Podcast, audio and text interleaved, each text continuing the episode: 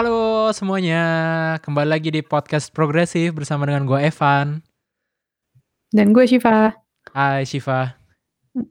Hai Evan. ya, apa kabar? Apa kabar Shiva? Baik, baik dong harus baik. Udah Lo selesai. baik, sehat-sehat ya. Tesisnya sudah dikumpulkan. Sudah hari ini baru saja dikumpulkan akhirnya. Alhamdulillah. Muter-muter tau gak sih? Udah nggak ngumpulin ke sini terus katanya nggak bisa karena covid harus dikumpulin lewat pos. Terus gue kayak, ya tapi kan gue udah ada di uninya ngapain gue kirim lewat pos Tahu nggak lagi?" sih? Tahu nggak sih? Gue juga gitu sih. Waktu itu kan gue ngumpulin Ya yang gue, kan? terus udah di depan tinggal nitip doang, nggak boleh harus pos. Iya, tadi tuh gue muter-muter gimana caranya supaya nggak usah gue masukin ke pos. Iya. Tapi akhirnya sama. bisa jadi titip di pos depan gitu. Ah, bagus Gitu lah. Iya, iya, iya. Tapi bukan kecelakaan ya, eh, lulusnya ya. Enggak. Eh, ada bapak-bapak yang ketangkap KPK terus katanya ya ini kecelakaan ya iyalah bapak kalau ketangkap KPK ya kecelakaan kalau enggak ya enggak enggak kecelakaan dong Iya, kan tidak tidak masuk dalam rencana ditangkap KPK. Aduh, banyak yang Aduh. di Twitter rame, ayo Bu Susi balik lagi gitu. Iya banyak tuh meme-nya Bu Susi, Iya, gue lihat. aduh. Tapi ngomongin ngomongin menteri dan kelautan gitu kan eh, kita juga pengen ngomongin sesuatu yang berkaitan dengan alam-alam gitu ya hari ini ya. Hmm. Em, mungkin sobat progresif ada yang ingat bulan lalu ya eh, ada kisah eh, pertarungan truk melawan komodo gitu yang rame Yang dan fotonya viral. iya yang bahkan ada orang yang ngasih kayak street fighter gitu ada ada bar healthnya gitu komodo versus truk kayak kayak lagi fighting gitu Gue bahkan gak lihat tuh. ada nanti kalian bisa cari Iya, Nah, siap, siap, siap. eh kita pengen ngebahas sih sebenarnya terutama tentang konservasi hewan dan alam di Indonesia. Apa kabar Mhm. gitu? Terutama Hmm. maksudnya dengan eh, foto truk versus komodo itu kayak lumayan sum up semua yang terjadi di Indonesia gitu nggak sih? Mm-mm. Iya kan? Bener Em, banget. apa? Dan kita pengen ngajak eh, ngobrol ada PhD candidate dari eh, Kent Kent University ya di UK eh, ada Ardian Tiono. Halo Mas Ardian. Halo Evan, halo Shiva. Iya, em, Mas Ardiantono berarti ben Ardiantiono. Ardi aja ya bilangnya boleh ya. Panggil Ardi aja Ardi aja ya, panjang banget namanya. Eh ya, eh, berarti Ardi lagi PhD di UK. Mhm, Jurusan apa tuh? betul. Aku di jurusan Biodiversity Management. Basically aku ng- meneliti tentang konservasi satwa liar sih untuk penelitian. Wow. Ah, oke. S1-nya juga di biologi ya, apa? UI juga. Eh, Yes, aku S1 di Biologi UI, penelitianku dulu tentang komodo, eh, konflik manusia komodo. S2 ku di Oxford eh, tentang gajah. S3 ku Wow. mungkin harimau tapi kita lihat nanti. Biar lang- bisa buka Memilih temanya binatang gitu ya. Yoi, yang seru-seru. Bisa Iya, buka iya, taman iya. safari lama-lama ya. iya, sebenarnya pertanyaan pertama sangat-sangat simple dan private. Kayak penasaran aja, Mas Adi, kenapa ya kok tertarik mendalami konservasi Hmm. gitu? Eh, apa yang membuat ah kayaknya gue pengen konservasi alam atau hewan gitu? Ah, itu pertanyaan yang sudah lama ditanya eh, orang pernah nanya dan aku lupa jawabannya. Em, aku basically orangnya memang seneng sama satwa liar. Jadi dari kecil tuh film favoritku ya selain Doraemon, Crayon Shinchan, kartun-kartun hari Minggu itu tuh memang National Geographic. Jadi Hmm. dokumenter tentang gajah-gajah di Afrika, ha- singa, harimau, buaya. Aku biasa paling suka buaya karena mereka keren. Em, aku nggak pernah benar-benar mikir aku bakal masuk kuliah dan meneliti tentang satwa liar sebelumnya. Karena aku masuk biologi UI juga karena as usual, aku daftar S1-nya kedokteran. Pilihan pertama nggak masuk, habis itu aku masuk ke biologi. Em, tapi itu seru ternyata, karena ketika aku masuk, aku nggak ada ide biologi di UI seperti apa, tapi seminggu kemudian aku tahu aku benar-benar mau di sini. Karena ternyata di sana tuh ketika kamu ketemu orang-orang yang passion dengan satwa, suka dengan suka masuk hutan, suka ngeliatin tanaman yang nggak jelas itu, karena aku bukan orang tanaman, itu benar-benar membuka uh, membuka mataku sih kalau memang misalnya aku ternyata memang pasnya di sini dan akhirnya berlanjut sampai sekarang. Uh, Hmm, lama sam- ya 10 tahun. sampai S3. Udah 10 Iya. tahun ya. Sampai S3. Dedikasi tinggi sekali ini. Karena jalanku gitu terus kan. Jadi jalanku tuh diarahkan ke sini. Jadi Iya. kayak nggak mereng-mereng. Oke, oke. Eh, berarti eh, Mas Adian udah em, ini ya apa punya pengalaman tadi juga S1-nya eh, meneliti komodo langsung di Pulau Yes. Komodo. Apakah gimana sih sebenarnya sejauh ini konservasi hewan di Indonesia terutama eh, yang endemik gitu yang dari em, yang cuman ada di wilayah itu doang itu eh, nggak tahu sih seberapa menyedihkan. Soalnya gue selalu dengernya sedih mulu tapi emang sesedih itu ya? Em, konservasi satwa liar, hidupan, eh, ekosistem hutan dan lain-lain itu memang sebenarnya adalah isu yang menantang bagi kita semua. Karena itu kompleks banget kan. Kadang-kadang kita mikirnya kita hanya ngomongin soal satwa, tapi sebenarnya itu ngelibatin masyarakat. Kita ngomongin bukan hanya tentang ekologi, tapi kita ngomongin tentang ekonomi, sosial, politik, dan budaya. Eh, yang betul yang Evan bilang, kadang-kadang orang merasa kalau misalnya kita lihat berita kayaknya tiap hari beritanya kayak ah, gajah mati, harimau kena jerat, buaya dibunuh dan sebagainya macam. Eh, Yang- Jadi orang kadang-kadang, ya betul, orang Iya. merasa kalau konservasi itu adalah eh, pekerjaan yang pesimistis dan aku harus bilang teman-temanku juga kadang-kadang kita sempat kepikiran apakah emang kayak gitu. Em, tapi kita banyak achievement, kita banyak capaian-capaian yang patut dibanggakan juga, dan itu yang aku mau obrolkan. Eh, konservasi satwa liar itu memang menantang, tapi kita sudah menja- melakukan perubahan lah. Kita ada progres sekarang. Indonesia itu memang menjadi perhatian karena kita kan orang selalu bilang ya mega biodiversity country gitu kan yang kaya akan hidupan liarnya, biodiversitasnya. Tapi di sisi lain juga kita yang paling banyak ancaman toh. Hutan Hmm. kita banyak sekali hilang. Tahun 2002 sampai 2012 6 juta hektar hutan primer kita hilang. Itu tuh sama dengan 6 juta lapangan bola. waduh Kamu coba bayangkan itu, itu Waduh. bisa berapa? Bisa buka eh, World Cup di Indonesia di mana aja itu. Hal-hal seperti itu, perburuan. Kalau kamu lihat berita sekarang itu ya, kalau kalian sering lihat berita, kamu sering lihat nih berita kayak harimau kena jerat, gajah mati diracun, eh, buaya makan orang misalnya kan. Eh, itu tantangan-tantangan yang kita hadapi karena konservasi itu nggak mudah, tapi banyak juga capaian yang kita dapatkan nih di Indonesia. Karena memang karena Indonesia itu jadi pusat perhatian,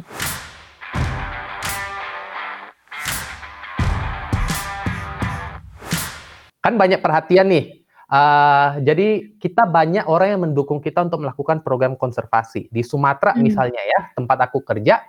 Kita kelihatan kok gara-gara patroli di Taman Nasional di Lampung, Bukit Barisan Selatan, ternyata harimaunya meningkat dua kali lipat Wow. 10 tahun kemudian. Atau misalnya kayak kita lihat eh, di mana lagi ya? Komodo. Karena kita bakal ngomongin komodo, jadi langsung lempar ke komodo aja. Komodo populasinya lagi bagus banget sekarang karena perlindungan dari eh, dari petugas Taman Nasionalnya itu sangat bagus. Jadi eh, populasi satwa mangsanya baik, populasi komodonya sejauh ini juga lumayan stabil. Yang akan kita bahas nanti, tapi aku udah keburu ngobrol sekarang. Gak apa-apa bagus bridgingnya Nggak apa-apa bridgingnya ada jadi bagus. Iya. Em, konservasi itu menantang, tapi kita patut berbangga karena di Indonesia kita masih punya banyak sekali hutan, banyak sekali biodiversitas, dan kita sudah melakukan hal yang luar biasa juga. Banyak capaian yang kita dapat, banyak spesies baru yang kita temukan, banyak program-program konservasi yang berhasil, banyak satwa yang berhasil dilindungi. Wah, mantap mantap Hmm. Kalau misalkan kita ngomongin tentang komodo nih Mas misalnya, Hmm. em, belakangan ini kan emang perhatiannya lagi ke komodo banget gitu ya karena Betul. ada kebijakan-kebijakan pemerintah yang katanya mau agak simpang siur sih. Ada yang bilang mau bikin apa kayak mau meningkatkan usaha-usaha konservasinya, tapi ada juga yang bilang mau mau mengubah wilayah Pulau Komodo itu sebagai pariwisata premium atau apa gitu. Iya. Sebenarnya kenapa sih ini sangat kontroversial banget gitu? Apa sih poin-poin yang bikin ini tuh jadi topik bahasan yang hot gitu? Eh, Iya, ini emang jadi topik yang hangat banget ya. Menurutku tuh sebenarnya ada dua hal di sini. Yang pertama adalah idealisme. Oke. Okay? Kita punya dua pihak di sini. Satu pihak tuh yang menganggap kalau misalnya komodo itu, Taman Nasional Komodo dan komodo itu harus dibiarkan seperti sekarang. Dibiarkan secara alami mereka, tidak ada gangguan, tidak ada pembangunan di dalamnya, tidak ada perusakan uh, habitat untuk membangun infrastruktur wisata. Di sisi lain, ada yang melihat kalau misalnya komodo ini adalah potensi. Potensi bukan hanya potensi untuk mengenalkan satwa liar dan Indonesia ke luar e, negeri, ke dunia, tapi juga potensi untuk meningkatkan ekonomi masyarakat, kesejahteraan masyarakat. Enggak hanya di Taman Nasional Komodo, tapi juga di Provinsi Nusa Tenggara Timur. Hmm. Yang kita tahu memang mereka itu sangat tergantung salah satunya oleh pariwisata di Komodo ini. Jadi ada perbedaan idealisme di sini yang mungkin menjadi uh, pertentangan. Karena kalau kalian kalau pengalaman kita di lapangan ya, ketika kita ada dua pihak yang punya dua idealisme beda ini, biasanya mereka nggak diketemuin atau mereka nggak mau ketemu satu sama lain gitu loh. Jadi kalau bisa ya, iya. Jadi kayak istilahnya gue jalan sendiri, lu jalan sendiri aja, ujung-ujungnya berantem tanpa hmm. benar-benar mencoba duduk bersama untuk melihat bagaimana jalan tengahnya. Itu hmm. yang pertama. Yang kedua adalah terkait dengan komunikasi menurut aku pribadi. Kalian-kalian ada nyadar nggak hebohnya Komodo ini ketika kapan? Ketika foto itu keluar kan? Iya. Foto Street Fighter yang iya, iya. Komodo iya. lawan itu. Um, isu ini sebenarnya ya, isu pembangunan ini, rencana pembangunan ini sebenarnya udah berjalan lama. Tapi kalau kalian lihat kenapa dia viral, ketika ada yang memberikan foto dan mengungkapkan itu ke publik dan kebetulan fotonya juga foto yang uh, aku harus bilang itu mem mem membuat orang emosional gitu ya, hmm. karena hmm. memantik emosi banget. Um, yang aku lihat menjadi catatan di sini, kenapa ini jadi viral dan kontroversi di beberapa tempat, karena komunikasi dari pemerintah. Kalian perhatikan nggak, hmm. sebenarnya sebelum ini kan pemerintah nggak benar-benar menyatakan kalau misalnya, oke okay, kami akan membangun uh, infrastruktur di Loh Buaya, Pulau Rinca, Taman Nasional Komodo. Tapi itu mulai keluar ketika foto itu keluar. Hmm. Ketika orang mulai ribut, orang mulai heboh tentang komodo, menentang pembangunan, baru pemerintah datang untuk mengklarifikasi. Enggak kok, sebenarnya di sini maksud kami adalah sebagai berikut, berikut, berikut, berikut. Jadi hmm. menurut aku komunikasi itu sebenarnya harusnya di, uh, disampaikan kalau bisa sejak awal. Jadi masyarakat bisa tahu rencananya seperti apa, bagaimana upaya mitigasi biar ini nggak mengganggu komodo dan lain-lain itu harus disampaikan di awal, biar nggak ada uh, salah paham juga. Karena ketika ini masuk ke media, isu ini digoreng. Mm. Dan kita uh, itu tergantung medianya berpihak ke idealisme yang mana, yeah. ya enggak? Iya benar benar. Tergantung banget uh, apa lebih pro konservasi atau pro um, infrastruktur ya, pembangunan gitu atau ekonomi. Iya, um, tapi yang yang perlu kita ingat juga konservasi itu nggak hanya membicarakan tentang satwa dan alam, tapi juga tentang masyarakat di sekitarnya. Jadi kayak pembangunan ekonomi untuk meningkatkan kesejahteraan masyarakat uh, dalam rangka program konservasi itu juga hal yang esensial. Hmm. Hmm. hmm, hmm.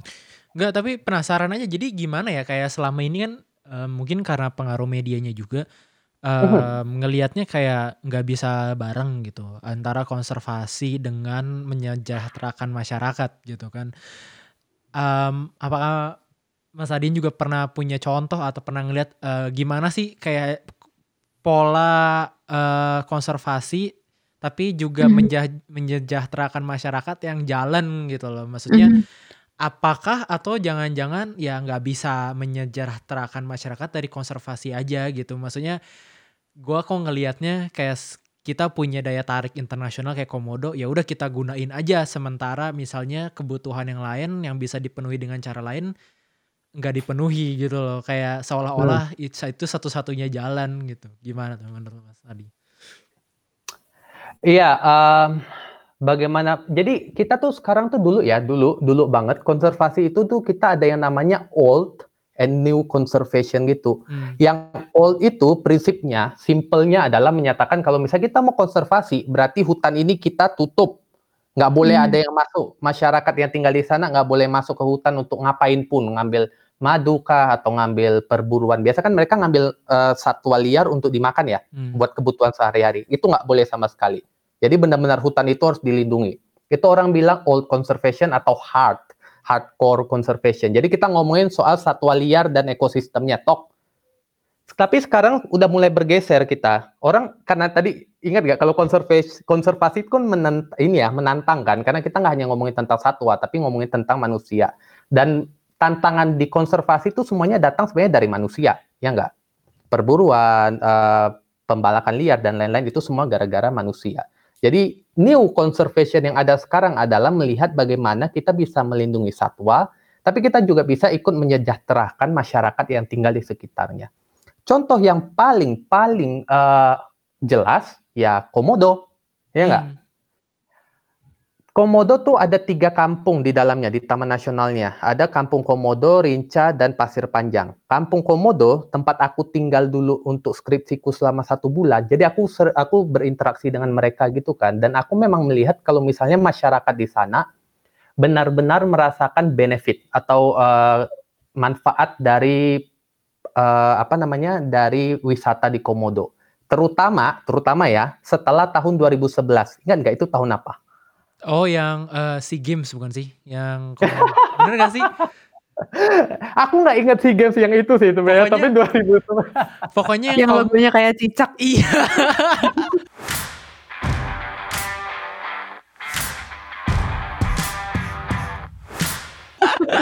Itu kayaknya salah satunya. 2011 juga tahun ketika Komodo, Taman Nasional Komodo tuh jadi the new Seven Wonder. Ah. Itu keajaiban dunia yang baru. Hmm. Berarti kita salah sih. Ingatnya cicak doang. iya. Setelah the new Seven Wonder itu, wisata tuh jadi melonjak. Orang tuh jadi pada kenal Taman Nasional Komodo, mereka kepo, jadi wisatawan naik. Kau lihat ya, contohnya sekarang ya, 2000 uh, 2014 waktu aku datang dulu skripsiku itu tuh 80 ribu orang setiap hmm. tahunnya datang ke Taman Nasional. Uh, tahun 2019 itu 185 ribu wow. orang. Wow. Tahun ini harusnya lebih ramai kalau nggak gara-gara corona. Iya, iya, iya. Benar, benar. Um, meningkatnya wisatawan ini sebenarnya bermanfaat banget bagi masyarakat. Jadi kalau kamu lihat dulu ya masyarakat uh, di Kampung Komodo yang aku tahu nih, mereka itu tuh rata-rata nelayan. Hmm. Um, waktu aku tinggal di sana, mereka bilang kalau misalnya mereka biasa mancingnya cumi-cumi. Kalau mereka dapat cumi itu mereka bisa naik haji zaman dulu. Wow. Sampai naik haji. Oh ya. Tapi mereka bilang kalau sekarang tuh udah mulai sulit dapat ikan, eh dapat udangnya ya. Mungkin karena overfishing, aku kurang tahu atau perubahan iklim. Uh, jadi banyak yang beralih. Sekarang tuh lebih dari setengah orang di masyarakat Kampung Komodo tuh main di wisata. Jadi memang terlihat ketika program konservasi komodo berjalan, uh, program wisata di Taman Nasional itu makin populer, masyarakat juga mendapatkan benefit. Mereka jadi guide, mereka jual uh, apa namanya uh, souvenir, mm -hmm. mereka juga memberikan uh, jasa homestay untuk mm -hmm. para wisatawan. Itu contoh yang paling dekat dengan kita lah, karena kita ngomongin komodo. mm -hmm. Kalau mau nanya nih, kalau Ya. skripsinya Mas Ardian tuh tentang apa kok tadi, interaksi warga? Iya, uh, aku sebenarnya dulu jadi aku ada dua. Aku dulu waktu magang, aku mm. ngelihat bagaimana respon komodo terhadap aktivitas manusia. Jadi aku mau lihat perilaku mereka, aku mau lihat, uh, bagaimana, uh, tubuh mereka tuh beda nggak sih kalau di daerah wisata dengan daerah yang lebih sepi. Lalu survivalnya mereka tuh ketahanan hidupnya lebih bagus atau enggak. Yang di skripsiku, aku lebih lihat ke konflik manusia komodo. Aku bilangnya interaksi aja ya, astaga. Mm-hmm. Itu jelek banget kata konflik. uh, interaksi manusia komodo di kampung komodo. Jadi aku mau melihat apakah komodo di sana itu tuh terlibat misalnya kayak mereka makanin ternak warga atau enggak. Kalau mereka mm-hmm. makan, warganya gimana nih responnya. Kayak gitu. Terus gimana mas? Penasaran cerita? Iya, bisa diceritain sedikit mungkin. Nah, ini yang menarik di Kampung Komodo ya. Jadi Kampung Komodo tuh mereka kan suku Komodo dulunya kan dominannya. Jadi Komodo itu tuh nggak hanya si Komodo kadal cicak itu ya. komodo, kan, ya kom, Komodo itu tuh nama tempat, nama pulau, Pulau Komodo, nama kampung, nama bahasa. Mereka ada bahasa Komodo, ada nama sukunya, suku Komodo. Suku Komodo ini yang adalah tinggal di Kampung Komodo, mereka itu punya legenda atau kepercayaan kalau misalnya Komodo itu adalah saudara kembar mereka. Hmm. Saudara hmm. kembar perempuan. Jadi waktu lahir tuh yang perempuan ini pergi ke hutan dan berubah jadi komodo. Hmm. hmm. Atau dia lahir udah jadi komodo lalu ke hutan, aku lupa. Hmm. um, kalau kalian ke sana, kalau kalian ke sana ke Kampung Komodo, kamu ketemu orang-orang yang udah tua nih misalnya ya, mereka manggil Komodo tuh bukan Komodo. Mereka manggilnya Sabae.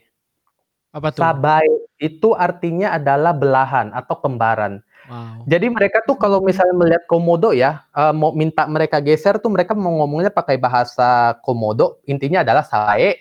Um, kita sama-sama cari makan misalnya gitu kan. Jadi jangan saling ganggu. Nanti komodonya pergi kok. Um, jadi mereka punya kepercayaan yang bagus banget di sana. Jadi mereka punya kedekatan yang lebih orang-orang di kampung Komodo dibandingkan dengan di tempat lain, misalnya di Flores. Yang kamu juga bisa lihat Komodo di sana. Um, lalu toleransi mereka tinggi. Jadi kalau misalnya memang ada beberapa aku wawancara tuh mereka emang ada kambingnya atau ayamnya dimakan oleh komodo. Tapi mereka nggak marah kok karena mereka nganggapnya oh ya udah itu rezekinya komodo. Kecuali satu orang satu dua orang yang kambingnya tuh sampai puluhan ekor dia bilang dimakan. Aku nggak heran kalau dia kesal mereka lebih kesal dengan babi karena babi hmm. menurut mereka lebih lebih nyebelin karena babi di komodo mereka makan kambing dan juga ayam yep. oh ya yeah. ya ya Hah, babi karnivora babi tuh makan apa aja kan. Ah, okay. aku jadi ingat aku dulu di sana tuh ada satu sore kambingnya om yang tempat aku tinggal tuh beranak, tapi dia beranaknya tuh bodoh gitu loh. dia beranaknya tuh di di di hutan, di kayak di semak-semak belakang sekolah di bukit di sore hmm. hari. Jadi waktu dia ber, dia beranak gitu kan ketahuan sama si babi kan, babi kan hmm. mulai keluar juga kan. Ya udah dimakan anaknya. Terus tante yang aku tinggal marah gitu kan, lalu babi eh, babinya, kambingnya nggak dikasih makan gitu sama dia. itu, ya, lu bodoh sih ngebuangin anak kau gitu kan ya udah.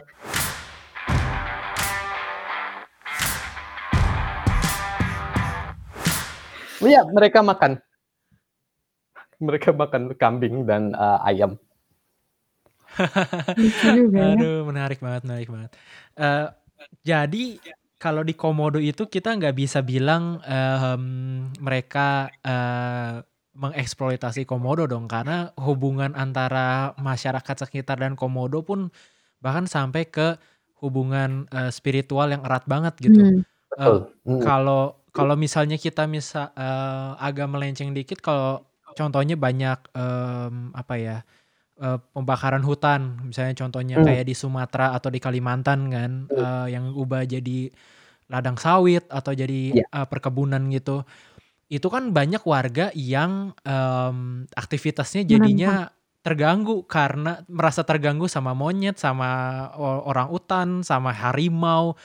Berarti di sana memang nggak ada ikatan emosional warganya gitu sama hewan-hewan. Jadi beneran hewan yang kelaparan gitu.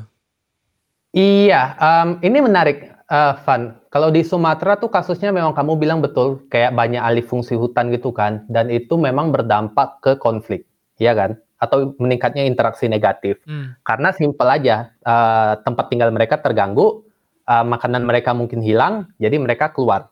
Itu yang terjadi misalnya di tempat aku kerja di Leuser di Aceh dan di Sumatera Utara. Hmm. Um, tahun ini tuh kayak interaksi harimau tuh tinggi banget. Kayak mereka keluar ke desa hampir tiap bulan gitu dan di semua tempat. Gajah juga gitu, orang hutan juga gitu.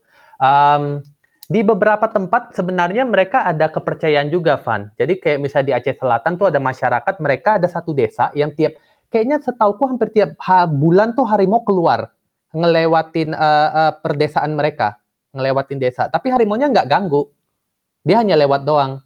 Lalu kayak orang-orang di sana juga mereka punya kepercayaan kalau harimau itu kayak semacam datuknya mereka atau uh, hmm. uh, kakek uh, kakeknya mereka. Jadi mereka tuh nggak nggak menghormati si harimau itu dan harimau itu juga tidak mengganggu mereka. Jadi ada kepercayaan seperti itu. Di tempat-tempat lain itu memang lebih tricky karena memang kita tahu um, kalau ke, kalau tempat yang kamu punya ikatan ya, misalnya ada ikatan uh, kearifan lokal tuh kamu kadang-kadang kamu akan menghargai sang satwa, kamu akan lebih toleran, kamu juga mencoba menjaga tempat mereka tinggal dan mangsa mereka kalau mereka kayak harimau. Di tempat lain, tempat yang konflik yang sering terjadi, misalnya di Riau, itu tuh sebenarnya karena kalau kamu lihat ini kan juga kita ketika masa transmigrasi dulu itu, hmm. itu kan banyak orang-orang dari Jawa yang datang ya. Yeah. Nah, para para transmigran ini adalah orang-orang yang nggak punya koneksi dengan uh, alam di sekitar mereka. Hmm. Jadi biasanya juga mereka yang kadang-kadang walaupun orang lokal juga ya, tapi mereka juga terlibat dalam uh, membuka hutan, membuka kebun dan lain-lain. Karena memang simple mereka nggak ada tempat kan. Mereka datang ke tempat baru, mereka harus berusaha dan harus uh, menafkahi keluarga. Jadi itu yang terjadi dan biasanya orang-orang ini yang terlibat konflik karena mereka tidak uh, tidak siap atau tidak mengantisipasi interaksi yang akan terjadi ketika mereka membuka hutan. Hmm, menarik, menarik, menarik. Uh, kalau gitu, apakah yang bisa uh, gimana ya? Kayak peraturan atau wejangan atau apa sih yang bagaimana kebijakan kebijakan yang uh, supaya mencegah uh, nggak kalau kita ngomongin kerusakan hutan kita harus buka podcast lain ya. Tapi ini kita harus ngomongin kayak misalnya bagaimana supaya hewan-hewan liar ini nggak dibunuh, nggak disengsarain, nggak diapain. Kan nggak mungkin dong kita hanya bergantung sama ikatan emosional antara warga dan hewannya aja. Jadi menurut uh, Mas Adian sendiri yang udah se sering di lapangan, apa sih kebijakan apa atau ada policy apa yang uh, bisa gitu dijalankan supaya interaksi antara manusia mau dia mau dia ada ikatan sama harimau apa enggak tetap jalan gitu tetap bisa uh, berdamai konfliknya berkurang iya um, aku ingat banget temanku sempat bilang dulu kalau misalnya kayak gini uh, interaksi negatif manusia masa tua liar itu nggak mungkin hilang hmm kalau misalnya ada hilang, itu tuh cuma dua pilihannya. Si binatangnya udah hilang, udah habis semua, atau kitanya yang pergi jauh. Atau ya kan? atau dimakan. atau dimakan. Um, sebenarnya kayak kayak hal seperti itu adalah bagaimana kita bisa meningkatkan toleransi de, untuk hidup bersama dengan satwa liar. Hmm. Itu yang menurut aku yang misalnya kayak tempatku kerja di WCS itu yang kita lakukan. Kita ada desa mandiri konflik bahasanya. Jadi intinya adalah kita mau masyarakat itu sadar kenapa satwa keluar, lalu bagaimana cara mereka bisa menghalau satwa itu biar nggak menimbulkan kerugian. Karena kan sebenarnya poinnya utamanya itu ya. Mm-hmm. Kalau kamu lihat definisi konflik manusia satwa liar di peraturan pemer, uh, Kementerian Kehutanan itu sebenarnya kan adalah interaksi yang bersifat negatif kedua ke terhadap kedua pihak atau salah satu pihak. Mm-hmm. Menurutku konflik itu terjadi ketika manusianya dirugikan, selesai. Oke. Okay. Walaupun satuannya dirugikan di satu sisi, misalnya dia kena jerat, itu kan kamu nggak bilang konflik kan. Tapi ketika aku merasa kayak aku petani dan ternakku dimakan dan aku marah, itu konflik dong. Hmm. Karena aku dirugikan. Jadi intinya adalah bagaimana biar manusia, bagai kita bisa mengurangi kerugian itu dan juga meningkatkan toleransi. Jadi kayak gini, kita menurunkan kerugian, kita naikin toleransi supaya harapannya itu bisa bisa mereka bisa hidup berdampingan. Karena kalau ngilangin interaksi negatif itu nggak mungkin. Hmm, oke okay, oke okay, oke. Okay.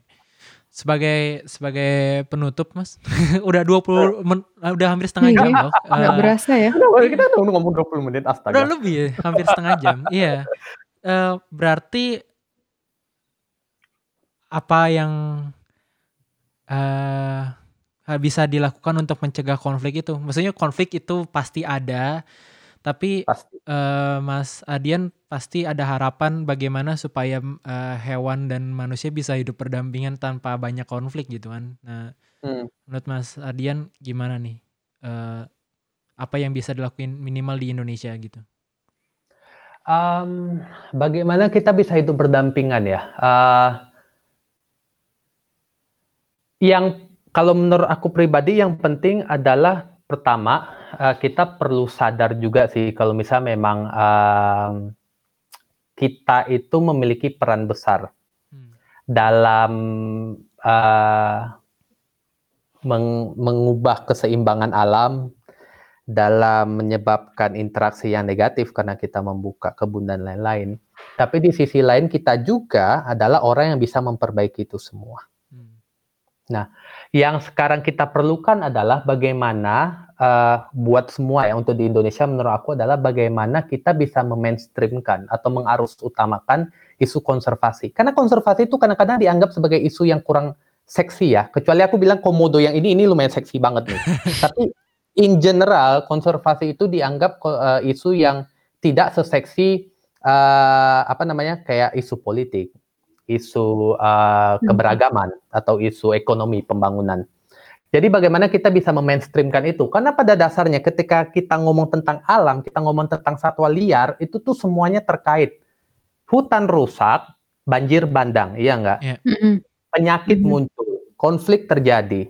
Satwa hilang, hutan ter, eh, akan terpengaruh regenerasinya karena nggak ada yang menyebarkan biji, Hmm. nggak ada yang memakanin satwa-satwa misalnya kayak tikus. Ketika elang atau ular hilang, tikus melimpah dan tikus itu menyebar. Kayak tikus itu- pelajaran SD inget gak sih? Iya, Rantai makanan ya. Rantai makanan. Iya. karena pada dasarnya bumi ini kan kita sendiri itu adalah sebuah jaringan yang saling terkonek satu sama lain kan. Jadi kadang-kadang itu yang sering kita lewatkan karena kita Mhm. mikir ketika harimau hilang ya udah harimau hilang kan, tapi kita nggak membayangkan konsekuensi yang akan terjadi ke depannya. Dan itu nggak sesimpel harimau hilang berarti ya udah selesai, tapi ternyata bisa berpengaruh ke regenerasi hutan, bisa berpengaruh ke ma- hama babi yang keluar ke mana-mana dan bisa juga penyakit yang muncul ketika tikus menyebar.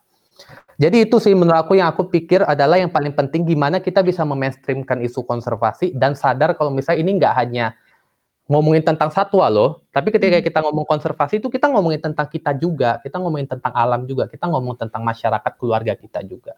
Dan ketika kita punya kepemahaman itu, aku rasa kita akan melakukan mendapatkan progres yang lebih baik sih, karena semua orang berpikir oke ini isu utama kita bersama-sama bisa berjalan untuk mencari solusi gimana kita bisa pada akhirnya melindungi alam dan hidup berdampingan dengan satwa.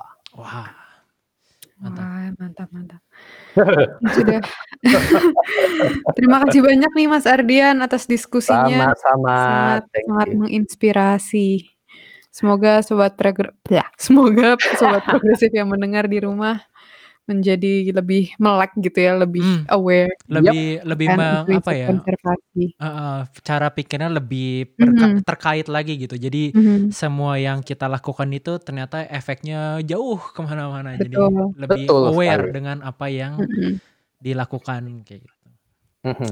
Mantap. Mas Adiantono ada ada eh, ada yang Ada. eh, ini nggak ah. bisa di share eh, Oh, jangan Instagram atau apa juga sekalian. Ah, iya iya, kalian bisa kontak aku di Instagram boleh, tapi Instagramku cuma gambar aku tidur di mana aja sih. Itu share-nya gimana kalau aku mau share? Nanti kita Nanti tag. aku Kita tag Iya. lah ya. Iya, Instagramku tuh kayaknya Ardiantiono deh, aku lupa ya. Ardian Tapi Tio. kalian coba aja. Kalau oh ya kalau so- ada sobat progresif yang pengen juga nih ikutan eh, ke konservasi eh, ada misalnya em, apa ya channel atau Channel yang cara yang paling mudah gitu untuk memulai belajar lebih dalam tentang konservasi alam gitu di mana ya Mas ya? Eh, kita banyak banget sumber sih, tapi aku nyaranin banget kalau kamu tertarik dengan konservasi dan kamu anak muda, C, Asik. eh, kamu gabung dengan komunitas jaringan konservasionis muda Indonesia. Itu namanya Tambora Muda. Hmm. Di sana Hmm. itu kamu akan bertemu dengan orang-orang yang memang eh, kayak kita punya passion yang sama di konservasi.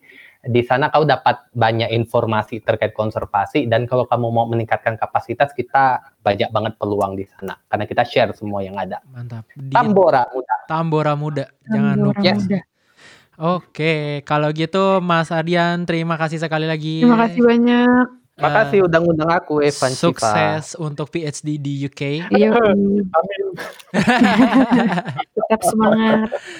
Oke, eh, Shiva, terima kasih untuk hari ini. Ini terima kasih juga Evan.